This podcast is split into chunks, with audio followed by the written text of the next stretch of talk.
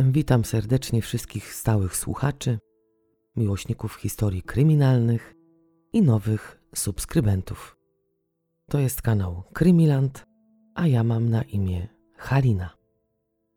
Bez zbędnych wstępów zapraszam serdecznie na następny i pierwszy w tym nowym 2023 roku odcinek serii Kryminalne historie z niemieckich landów.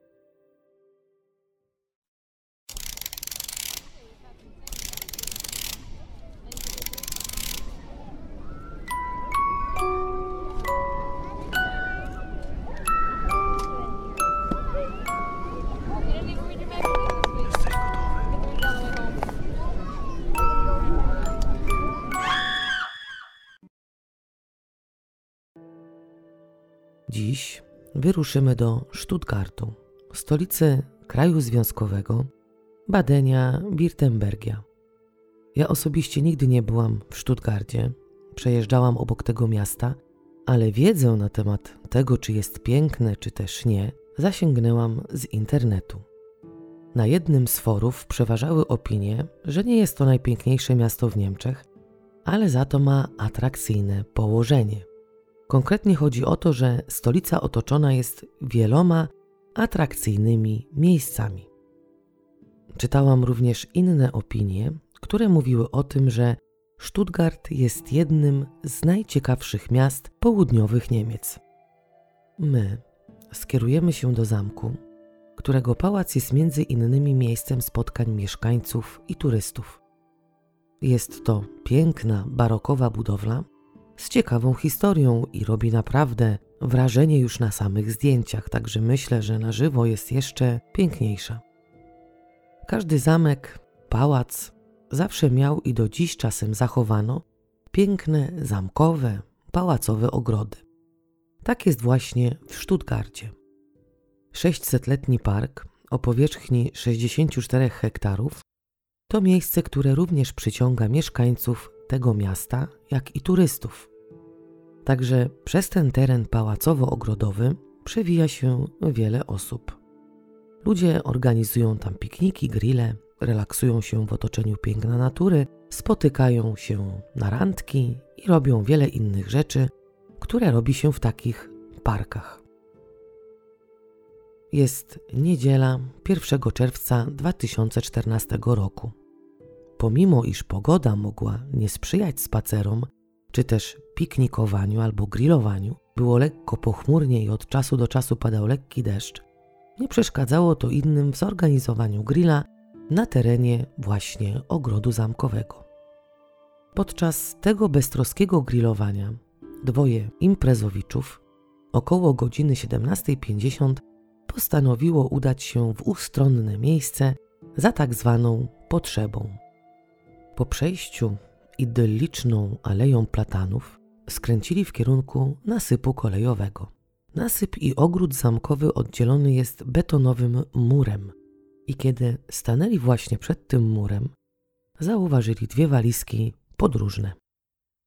Myślę, że każdy zainteresowałby się tego typu znaleziskiem, bo walizki mogły zostać albo pozostawione przez właściciela, albo mogły zostać komuś skradzione. No i jak to bywa w życiu, każde tego typu odkrycia w pewnym sensie zaciekawiają i tym razem również zainteresowały spacerowiczów. Podeszli bliżej i tak chodząc przy tych walizkach i oglądając je, zauważyli, że jedna z nich jest umazana krwią. Zachowali środki ostrożności, nie dotykali niczego, nie uciekli, tylko wezwali policję. Tak jak się to zawsze odbywa według procedur, na miejsce, do którego wzywana jest policja, bo ktoś podejrzewa, że doszło do popełnienia przestępstwa, przyjeżdża najpierw patrol policyjny, który ma sprawdzić, czy rzeczywiście w miejscu podanym przez świadków znajduje się to, co podejrzewają. Kiedy dwóch policjantów otworzyło jedną z walizek, natychmiast zabezpieczyli miejsce, w którym się znajdowały i wezwali specjalistów. Obie walizki zawierały zwłoki. No i jak to piszą w niemieckiej prasie, zwłoki były w jednym kawałku. W jednej walizce pozycji embrionalnej znajdowało się ciało kobiety, a w drugiej, w tej samej pozycji, znajdowało się ciało mężczyzny. Zwłoki były nagie. Obok miejsca, w którym znajdowały się te bagaże, specjaliści zauważyli, że ziemia jest częściowo tak jakby rozkopana, co wskazywało na to, że sprawca bądź sprawcy próbowali zakopać torby podróżne wraz z ciałami. Od razu uznano, że nikt sprawców bądź sprawcy nie spłoszył. Powód porzucenia pomysłu pogrzebania zwłok wynikał z tego, że rozkopanie dołu łopatą w tym miejscu graniczyło z cudem, ponieważ drzewa i krzaki miały dość dobrze rozbudowany system korzeniowy i zwykłą łopatą nie dałoby się tego dołu wykopać. No, może by się dało, ale osoba, która miała to zrobić, musiałaby włożyć wiele godzin pracy i wysiłku. W międzyczasie sprawdzono i przesłuchano tych, którzy znaleźli walizki. Śledczym poniekąd podejrzane wydawało się to, że dwie osoby odeszły ponad 200 metrów od miejsca, w którym grillowano.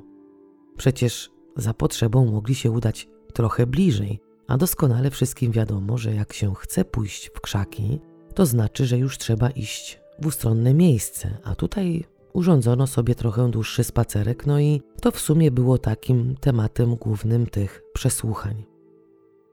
Po sprawdzeniu znalazców dziwnych bagaży, po przesłuchaniu ich, przepytaniu innych gości, którzy uczestniczyli w grillu, uznano, że nie mają oni nic wspólnego ze znaleziskiem i to nie oni te walizki tam umieścili. Praktycznie natychmiast zwołano specjalną komisję, której nadano nazwę Nasyp, w której szeregi wciągnięto 40 specjalistów. Wieczorem tego samego dnia, kiedy odnaleziono zwłoki, zmarłych przewieziono do medycyny sądowej w celu przeprowadzenia autopsji. Następnego dnia, z samego rana, około 100 metrów kwadratowych tego terenu otoczono kordonem policyjnym. Śledczy pracowali z kilofami i łopatami. Pobierano próbki gleby, wykopano cały brud i tyle, ile się dało ziemi za betonowym ogrodzeniem. Te działania miały na celu znalezienia dodatkowych śladów, które mogłyby pomóc detektywom złapać sprawcę bądź sprawców. Podczas przeczesywania tego terenu dla specjalistów było jasne, że to nie tutaj dokonano tej zbrodni i od razu również wykluczono możliwość wyrzucenia walizek z przejeżdżającego pociągu. W poniedziałek było ciepło i słonecznie. A co za tym idzie, na terenie ogrodu pałacowego kręciła się masa ludzi. Praca funkcjonariuszy przyciągnęła zatem zainteresowanych mieszkańców. Nagle jakby wszyscy biegacze, rowerzyści, właściciele psów i spacerowicze przybyli w ten właśnie rejon miasta i dotarli w to miejsce, żeby móc obserwować pracę policji. Mieszkańcy, którzy dowiedzieli się, że policja ustaliła tożsamość mężczyzny, szeptali między sobą, że pewnie dokumenty były przy nim, bo przecież jakby inaczej dowiedziano się, kim on jest.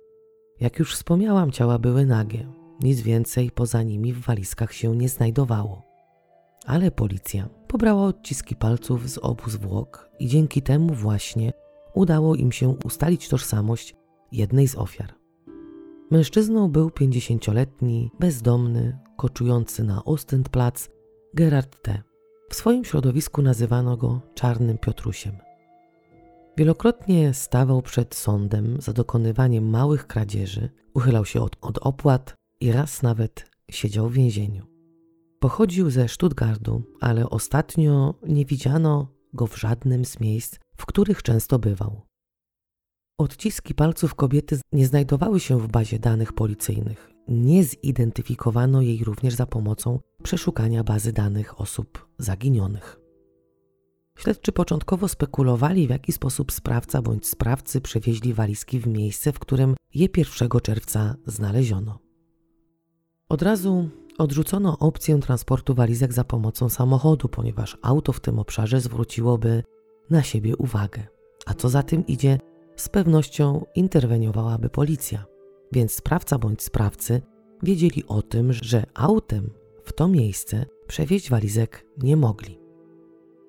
Jeśli ktokolwiek chciałby się pozbyć bagaży idąc pieszo, musiałby pokonać kilka kilometrów.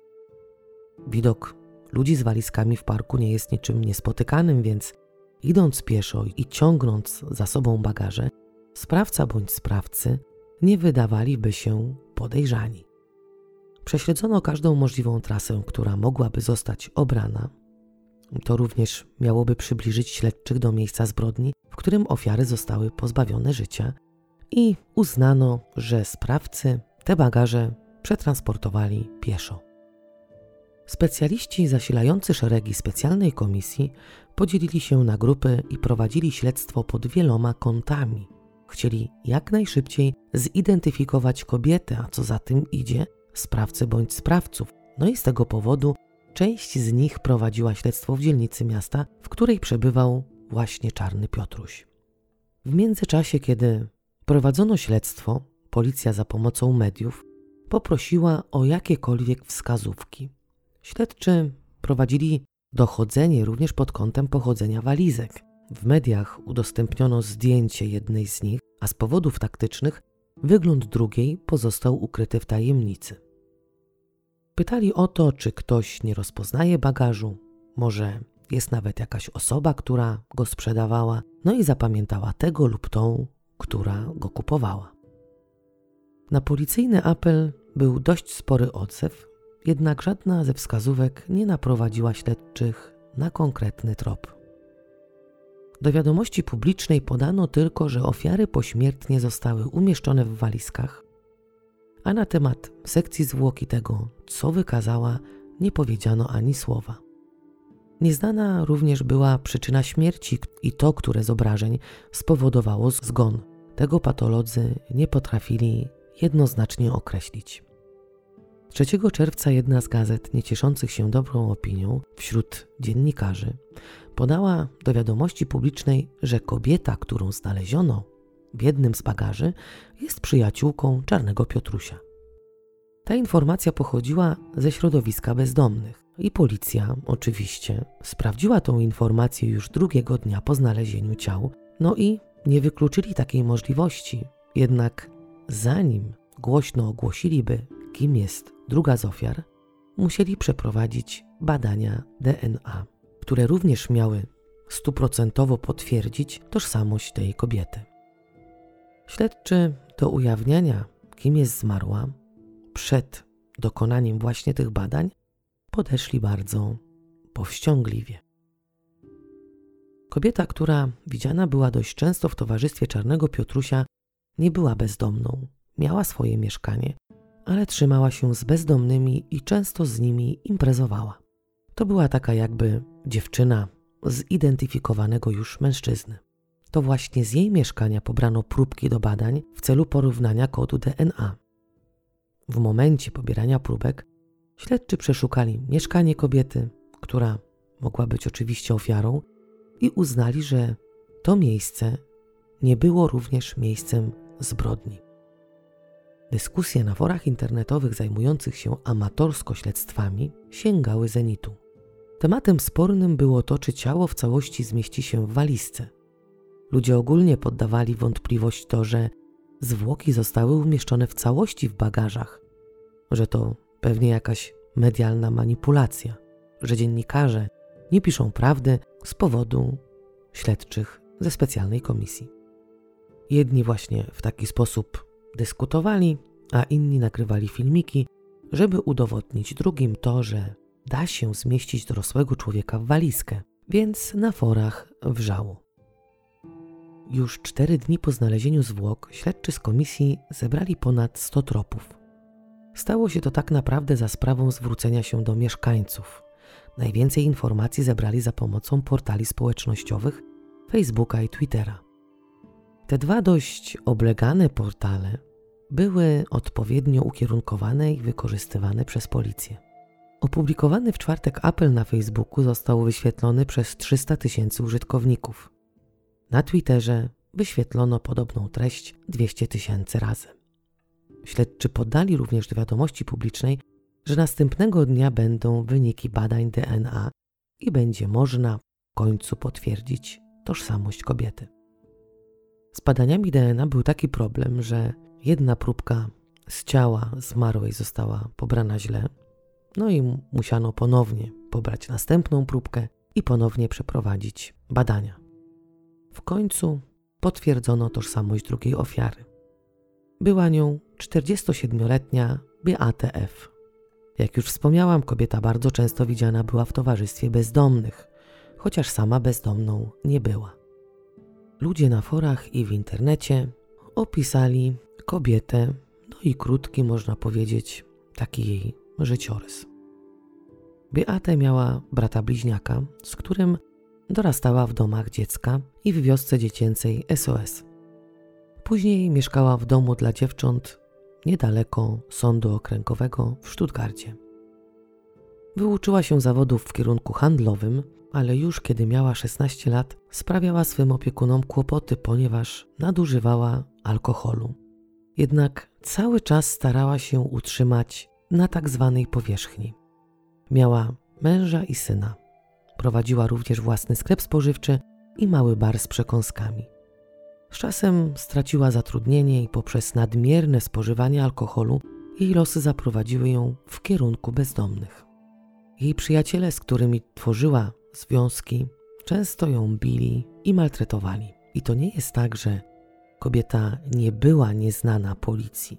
Popełniała drobne przestępstwa, jednak były tak niskoprogowe, że policja nie zajęła się nimi, tak jak przy przestępstwach większego kalibru, no i z tego powodu właśnie jej odciski palców nie, nie widniały w bazie danych. Kiedy już policja posiadała wiedzę, kim są ofiary, poszukiwała nadal dalszych wskazówek w sprawie morderstwa w Stuttgarcie za pomocą listów gończych. Śledczy byli szczególnie zainteresowani tym, kto widział lub miał kontakt z dwiema ofiarami 50-letnim mężczyzną i 47-letnią kobietą między 28 maja a 1 czerwca. Dla informatora wystawiono nagrodę w wysokości 1000 euro. Na tym etapie śledztwa wśród bezdomnych na Ostendplatz krążyły pogłoski, że policja namierza czterech mężczyzn narodowości polskiej, którzy mieli pokłócić się z pięćdziesięciolatkiem. Czarny Piotruś miał na pieńku z jednym z Polaków, któremu groziło wydalenie z Niemiec.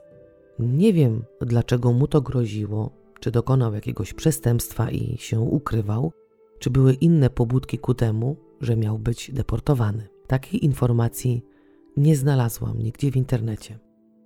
Gerard groził Polakowi, że go wyda policji i ten szybko znajdzie się w Polsce.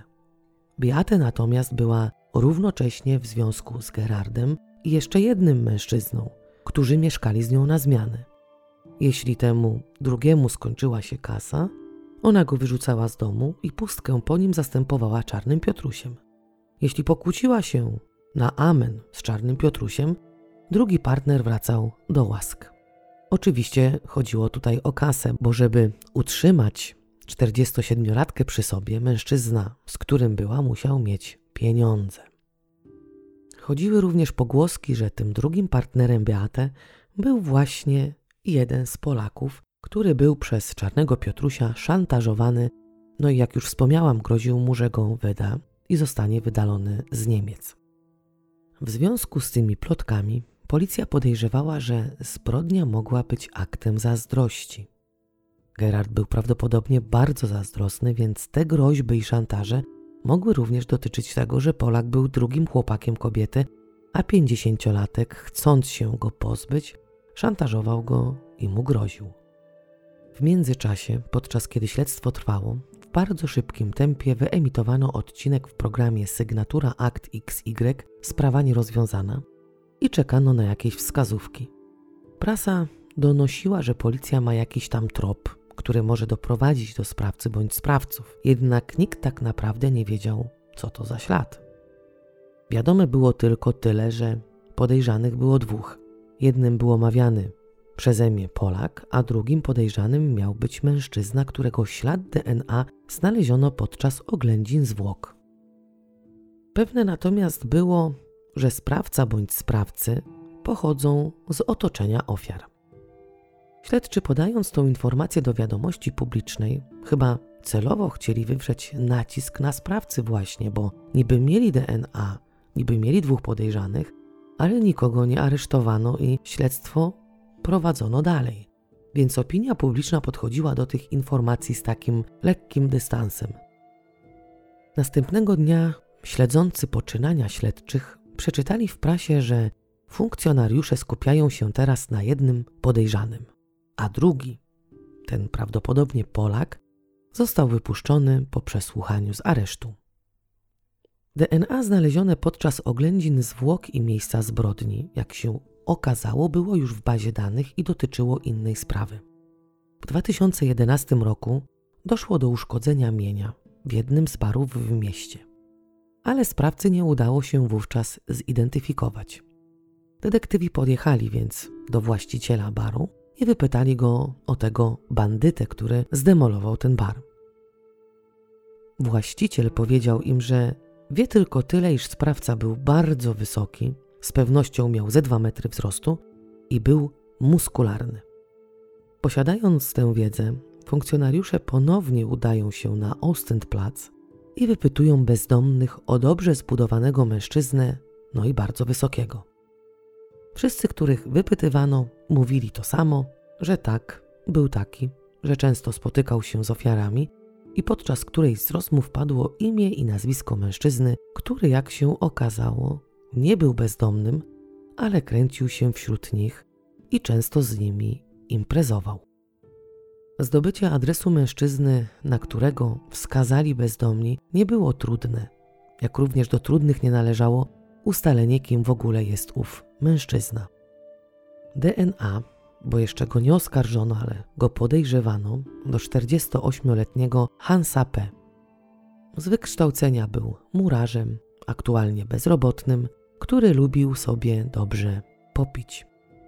Śledczy wybrali się zatem do mieszkania Hansa, żeby go przesłuchać, ale nikt im nie otworzył drzwi. Przez kolejne dwa dni funkcjonariusze próbowali ponownie zastać podejrzanego w domu, ale niestety za każdym razem odchodzili z kwitkiem.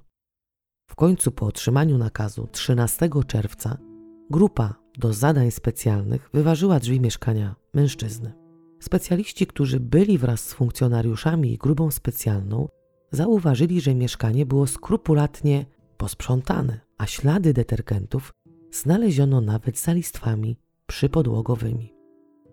Ale pomimo tego, że mieszkanie było wyszorowane i wysprzątane, technicy kryminalistyczni wykryli dość spore plamy krwi i uznano, że mieszkanie mężczyzny było miejscem zbrodni.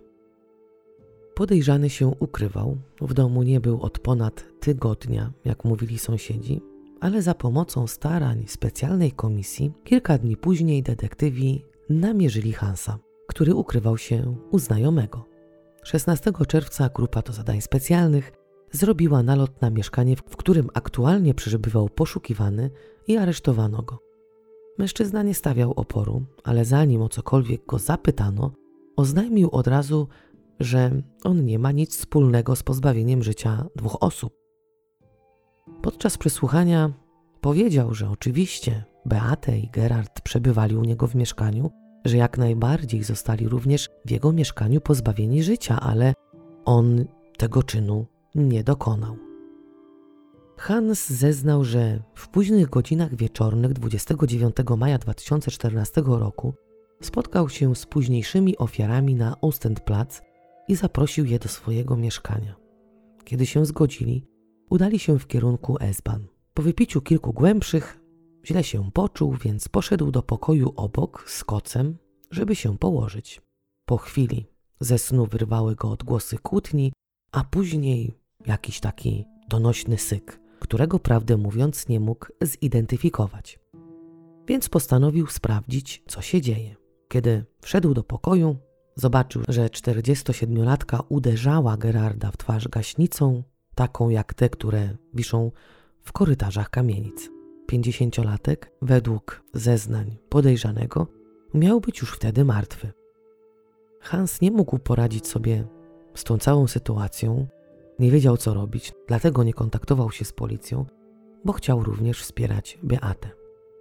Ponieważ kobieta chciała coś zjeść po dokonaniu tej zbrodni, poszli prawdopodobnie do restauracji na którą właśnie wskazała 47-latka.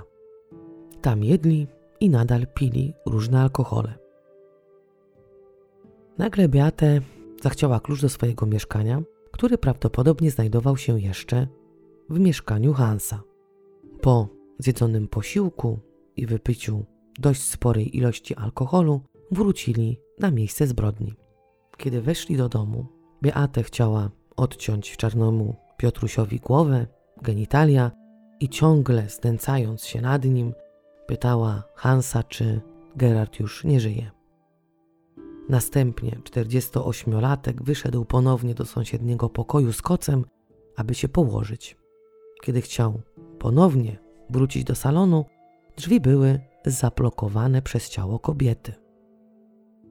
Po odepchnięciu ich na bok, zauważył, że 47-latka wisi na pasku i doskonale pamięta, że uprząż z zapięciem miała w okolicach właśnie szyi. Doszedł do wniosku, że Beata się powiesiła. Nie mogąc w ogóle poradzić sobie z całą tą sytuacją, że co to się w ogóle wydarzyło w tym jego mieszkaniu, kupił marihuanę od znajomego mieszkającego za stacją kolejową, wrócił do domu, zapalił sobie tego jointa i zabrał się za ogarnianie tego całego bałaganu. Śledczy poinformowali podejrzanego, że jego zeznanie jest niewiarygodne, a ofiary odniosły inne obrażenia niż te, o których mówił w swojej wersji wydarzeń. Kobieta miała liczne rany kłute i obrażenia wynikające z reakcji obronnej. Przesłuchano 48-latka ponownie, a on potwierdził swoje oświadczenie i powiedział, że te nacięcia mogły być również spowodowane potłuczonym szkłem z rozbitych butelek po piwie lub po czymś takim. Przyznał się do tego, że dźgnął ją nożem w plecy, ale ona była już wtedy martwa, no a on był na nią zły za to, co ona w tym mieszkaniu jego nawyrabiała. Śledczy bez skutku próbowali wyciągnąć prawdziwe zeznania z mężczyzny, ale ten cały czas utrzymywał swoją wersję wydarzeń. 2 lutego 2015 roku w poniedziałek o godzinie 9 rozpoczął się proces. Sąd rejonowy wstępnie wyznaczył do końca marca 16 dni procesowych. Ze względu na duże zainteresowanie publiczności, rozprawa musiała zostać w krótkim czasie przeniesiona do większej sali. Pierwszego dnia procesu przeczytano akt oskarżenia i przesłuchano raz jeszcze mężczyznę siedzącego na ławie oskarżonych. Ten nadal nie przyznawał się do popełnionego czynu. Obszernie zeznał, w jaki sposób pozbył się ciał z domu. Rozebrał Beatę i Gerarda do naga i każdy z nich zapakował do walizek, które wziął z wysypiska. Wyprał swoje rzeczy, ponieważ nie chciał, żeby jakiekolwiek DNA pojawiło się na ciałach czy też w walizkach. Ubrania ofiar wyrzucił do dwóch różnych pojemników na śmieci, które znajdowały się w różnych miejscach w mieście. Wyłożył przyczepkę rowerową starym kokocem, ponieważ z walizek płynął płyn zabarwiony krwią. Musiał przewieźć walizki w dwóch turach. Kiedy zapytano go, czy próbował zakopać ciała, nieśmiało się do tego przyznał. Kiedy znów pytano go przykładowo, o której godzinie wywiózł ciała lub o której zaczął sprzątać mieszkanie, odpowiadał naprzemiennie, nie podając żadnej godziny, że było jasno albo że było jeszcze ciemno. Po wywiezieniu ciał z mieszkania wziął się za sprzątanie. Robił to na raty, bo musiał sobie robić przerwy.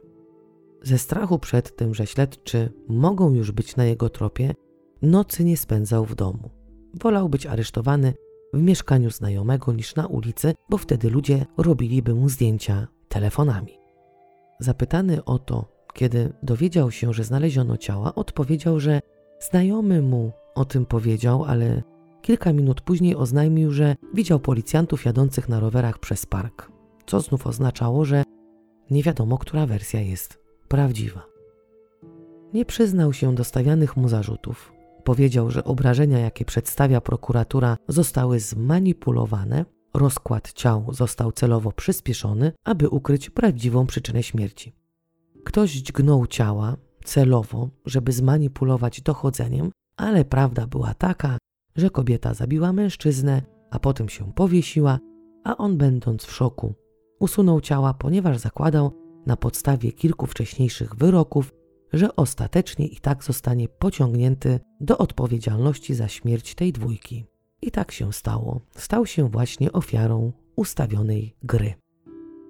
Czwartego dnia procesu sala sądowa pękała w szwach.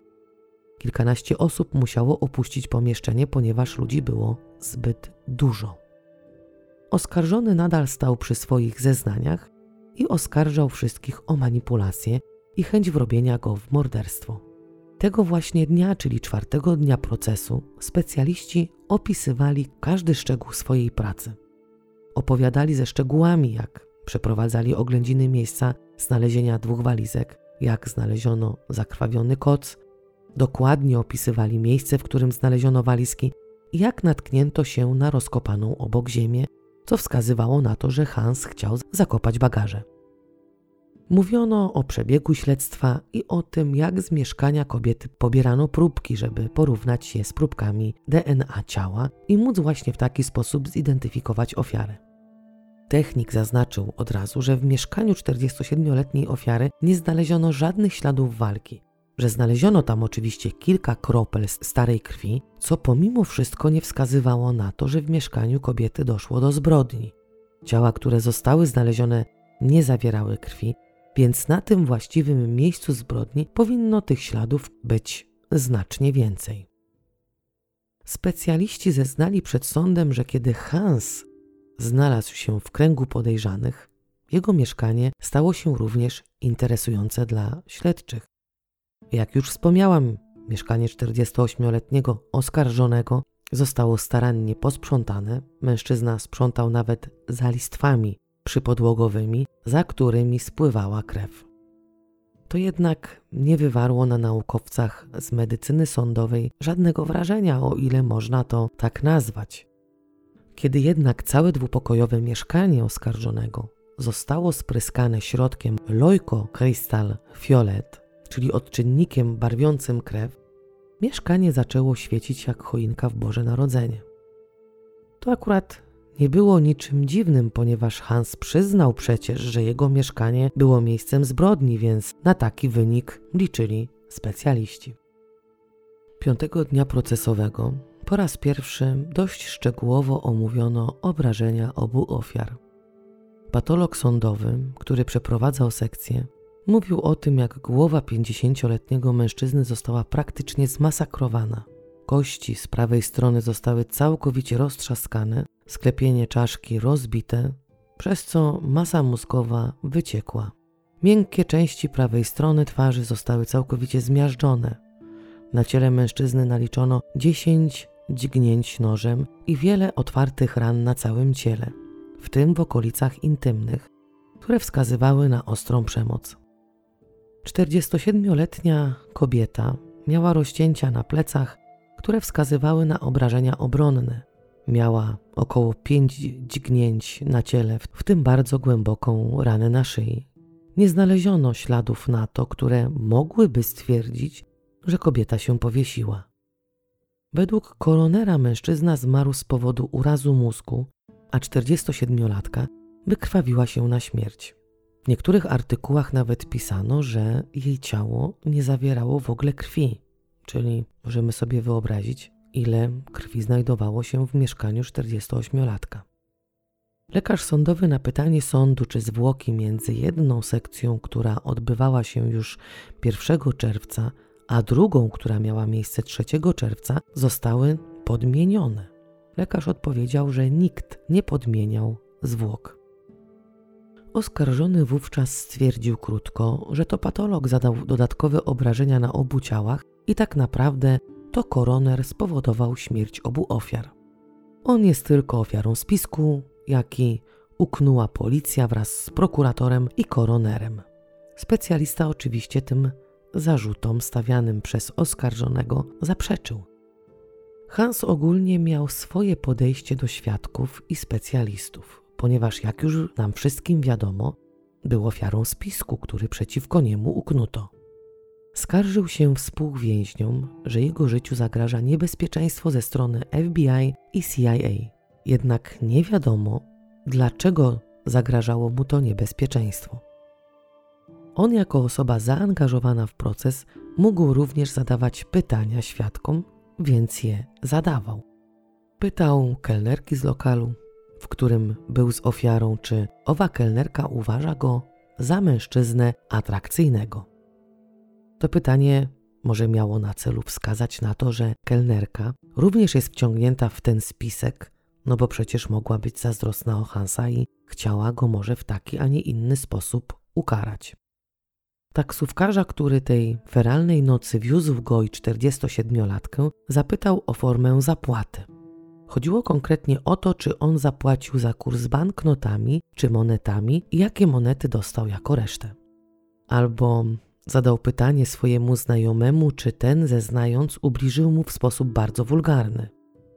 Do tego ciągle mówił o tym, że padł ofiarą spisku i z tego powodu również nie pozwolił psychiatrze na badania, ponieważ uważał, że promienie radioaktywne w trakcie badań psychiatrycznych mogłyby uszkodzić mu mózg a on teraz afirmuje życie, tworzy muzykę, gra na gitarze i pracuje w więzieniu, więc nie podejmie takiego ryzyka. Według prokuratora przebieg wydarzeń w nocy z 29 maja na 30 był całkiem inny. Hans spotkał się z ofiarami na Ostendplatz. Podczas spotkania wypili alkohol, aż w końcu Hans zaproponował znajomym przeniesienie imprezy do jego mieszkania. W domu mężczyzny trójka imprezowiczów piła nadal. Czarny Piotruś pod wpływem ilości alkoholu, jaki spożył, zasnął. A Hans i Beate kontynuowali imprezę i flirtowali. W końcu postanowili wyjść na miasto i coś zjeść. W greckiej restauracji, według zeznań świadków, zachowywali się jak para zakochanych. Mówili do siebie per kochanie, całowali się, przytulali, no i karmili nawzajem. W restauracji wypili również dość sporą ilość alkoholu. Wrócili do domu i tam Hans chciał skonsumować świeży związek, jaki stworzył się przez te kilka godzin między nim a Beatę. Kobieta nie bardzo chciała przejść do konsumpcji, więc doszło do szarpaniny. Hans uznał, że przyczyną nagłego dystansu kobiety jest jej śpiący przyjaciel, więc całą agresję, złość i zazdrość wyładował na mężczyźnie. Dźgał go, zmiażdżył mu prawą stronę głowy gaśnicą, wpuścił w gardło zawartość gaśnicy, przewiercał jego ciało wiertarką taką na akumulator, okaleczył mu również genitalia. 47-latka spanikowała, być może nawet zagroziła policją. Chciała uciec, ale wtedy Hans zadał jej jeden śmiertelny cios w szyję i kilka razy dźgnął nożem. Dalsza część ze sprzątaniem, pozbywaniem się ubrań ofiar i przewiezieniem walizek do ogrodów zamkowych może być jak najbardziej prawdopodobna. Podczas zeznań znajomych i przyjaciół Hansa, obecni na sali rozpraw, jak i skład sędziowski, łącznie z prokuratorem i adwokatem oskarżonego, usłyszeli na temat mężczyzny te dobre rzeczy, jak i te niezbyt pochlebne. Był człowiekiem pomocnym, uczynnym, miłym, ale kiedy wypił, zamieniał się w diabolicznego agresora, który był nieobliczalny. Hans opowiadał również niestworzone historie na swój temat, tak jakby tworzył nową rzeczywistość na temat swojej przeszłości. Mówił o tym, że uczestniczył w wojskowych operacjach w Afganistanie, później musiał jechać do Arabii Saudyjskiej, ponieważ był płatnym zabójcą i tam na polecenie organizacji pozbawiał ludzi życia. Kiedy wypił za dużo alkoholu, mówił o tym, że, że chce właśnie pozbawiać ludzi życia. Wtedy jeden z przyjaciół polecił mu wizytę u psychiatry. Jednak Hans z obawy przed zniszczeniem mózgu poprzez te radioaktywne promieniowanie zawsze odmawiał. Pojawiły się również pewne niejasności co do ilości płynu barwiącego krew na niebiesko. Według zeznań jednego ze specjalistów, mieszkanie zostało spryskane zbyt dużą ilością tego specyfiku. Z powodu braków kadrowych do mieszkania Hansa wysłano dwóch niedoświadczonych jeszcze ludzi, z którymi powinien być ktoś, kto już takie rzeczy robił. No ale, jak już wspomniałam, z powodu braków kadrowych ten doświadczony poinstruował tych niedoświadczonych, w jaki sposób powinni spryskać mieszkanie i tyle. Świeżacy pojechali na miejsce i zaczęli pryskać pryskać, pryskać i pryskać. No i tak spryskali, że sami również zabarwili się na niebiesko. Także wprawdzie tej krwi było znacznie mniej niż początkowo zakładano. W końcu na jednej z rozpraw oskarżony za zgodą sędziego przemówił. Opowiedział przed sądem o pewnym incydencie, który miał miejsce w 2009 roku. Mężczyzna wtargnął do mieszkania swojej dziewczyny i ją pobił. Sąd narzucił mu karę grzywny i puszczono go wolno. Jednak ten spłacił tylko część tej kary, a co za tym idzie, sąd wydał nakaz aresztowania. Pewnego dnia, kiedy już był ten nakaz aresztowania wydany, Hans, będąc na Ustendplatz, zauważył, że zajechał tam radiowóz, z którego wysiadł prokurator. Ten właśnie, który go oskarża, no i 48-latek, zaczął uciekać. Prokurator zawołał go po imieniu i nazwisku, więc oskarżony wówczas doszedł do wniosku, że ucieczka nic nie da i, i się zatrzymał. Przedstawiciel prawa wsiadł do auta i chcąc przejechać Hansa, potrącił go. Przyjechała policja i okazało się, że Hans jest cały i zdrowy, a prokurator za to był lekko poturbowany. Organ odpowiedzialny za odszkodowania wyznaczył ponad kilka tysięcy euro odszkodowania dla przedstawiciela prawa. Hans, kończąc swą opowieść, powiedział, że teraz z tego powodu, że nie zapłacił tej sumy odszkodowania, zaplanowano przeciwko niemu spisek i za wszelką cenę chcą go wsadzić do więzienia. Sędzia zapisała wszystko, co powiedział oskarżony i obiecała to sprawdzić.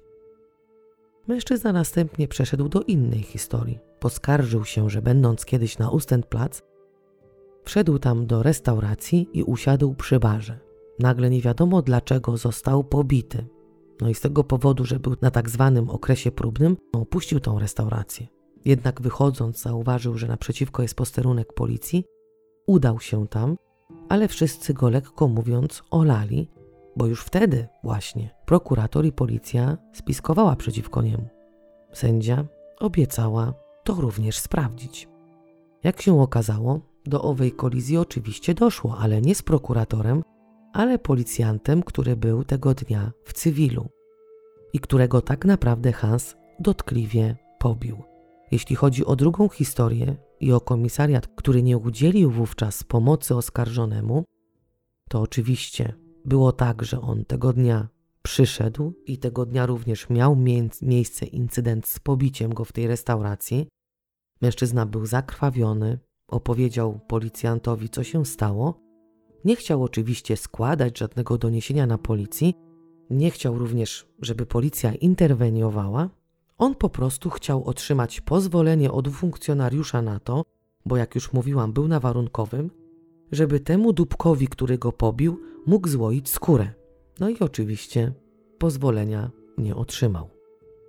Następnie odczytano rejestr karny Hansa. Kiedyś w ciągu jednego dnia ukradł osiem aut, innego razu wybił komuś zęby. No i oskarżony, kiedy usłyszał, że miał komuś wybić zęby, od razu zaprotestował, ponieważ dobrze pamięta tą sytuację i z tego co mu wiadomo, nie mógł wybić zębów temu człowiekowi, bo on w ogóle ich nie miał. No i ogólnie z tego rejestru wynikało, że Hans był wielokrotnie karany. Prokurator obstawał przy swoim wariancie. Domagał się 11 lat za zabójstwo Beate i dożywotniego więzienia za zabójstwo Gerarda. Wystąpił również o przyjęcie oskarżonego na terapię odwykową przed rozpoczęciem kary więzienia. Adwokat Hansa powiedział, że może tak być, że jego klient gdzieś tam kłamie, opowiada jakieś tam fantazje na temat swojej przeszłości, ale pomimo tego, że są te fantazje, to prawnik ostrzega wszystkich przed podejściem do całokształtu tej sprawy, jak do kłamstwa. Adwokat mówił o tym, że skazanie winnego na dożywocie za zabójstwo jest oczywiście możliwe, o czym mowa w kodeksie karnym. Paragraf 212 kodeksu karnego mówi, cytuję: Kto zabija człowieka nie będąc mordercą, podlega karze pozbawienia wolności na czas nie krótszy niż 5 lat jak za zabójstwo. Jednak w szczególnie poważnych przypadkach karą jest dożywocie. Dla tych, którzy nie wiedzą, czym jest zabójstwo, a czym morderstwo, wyjaśniam, że morderstwo i nieumyślne spowodowanie śmierci to dwa z najbardziej znanych zabójstw w kodeksie karnym. Karą za taki przeciętny przypadek zabójstwa jest pozbawienie wolności na czas nie krótszy niż 5 lat. Tu chodzi oczywiście o niemiecki kodeks karny. Nie wiem, jak jest w polskim.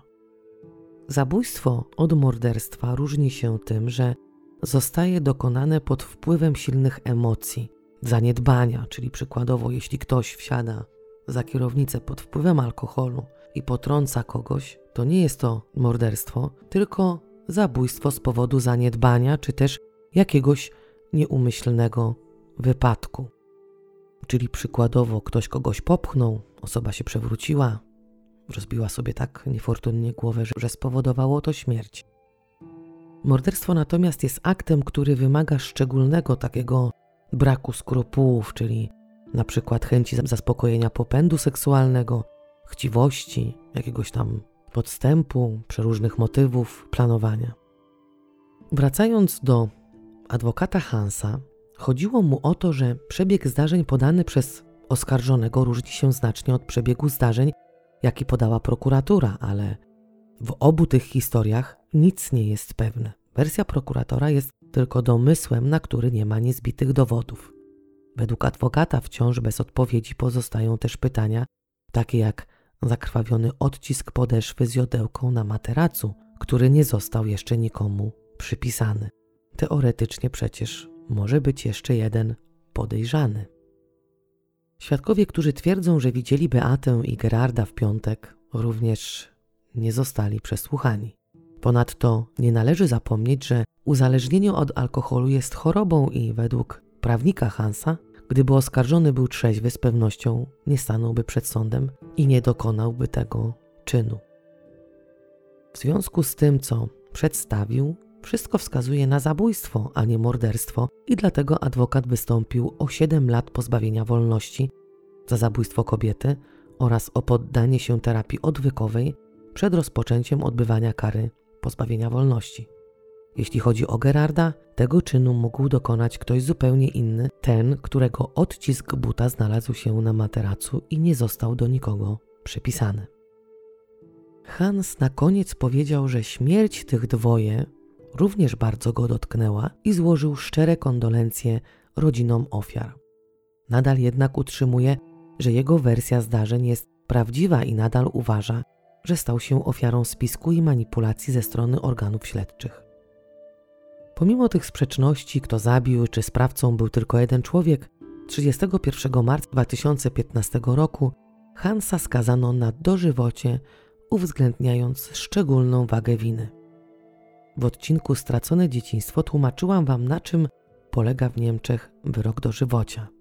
Jeśli sąd nie uzna szczególnej wagi winy, oskarżony może wyjść po 15 latach na przeważnie pięcioletni okres próbny. Jeśli natomiast sąd uzna szczególną wagę winy, wówczas dożywocie może oznaczać rzeczywiście dożywocie, ale bywa też tak, że już po 17 latach dany sprawca może ubiegać się o warunkowe zwolnienie. To wszystko na temat tej historii. Jestem ciekawa, co sądzicie o tej sprawie, no i jak zawsze życzę Wam wszystkiego dobrego, a z okazji tego, że słyszymy się po Sylwestrze, życzę Wam z całego serca, żeby spełniły się wszystkie Wasze marzenia, żeby całe troski, które do tej pory Was dręczyły, odeszły, żeby wszystko się wyprostowało, no i żebyście byli po prostu szczęśliwi. Do usłyszenia wkrótce.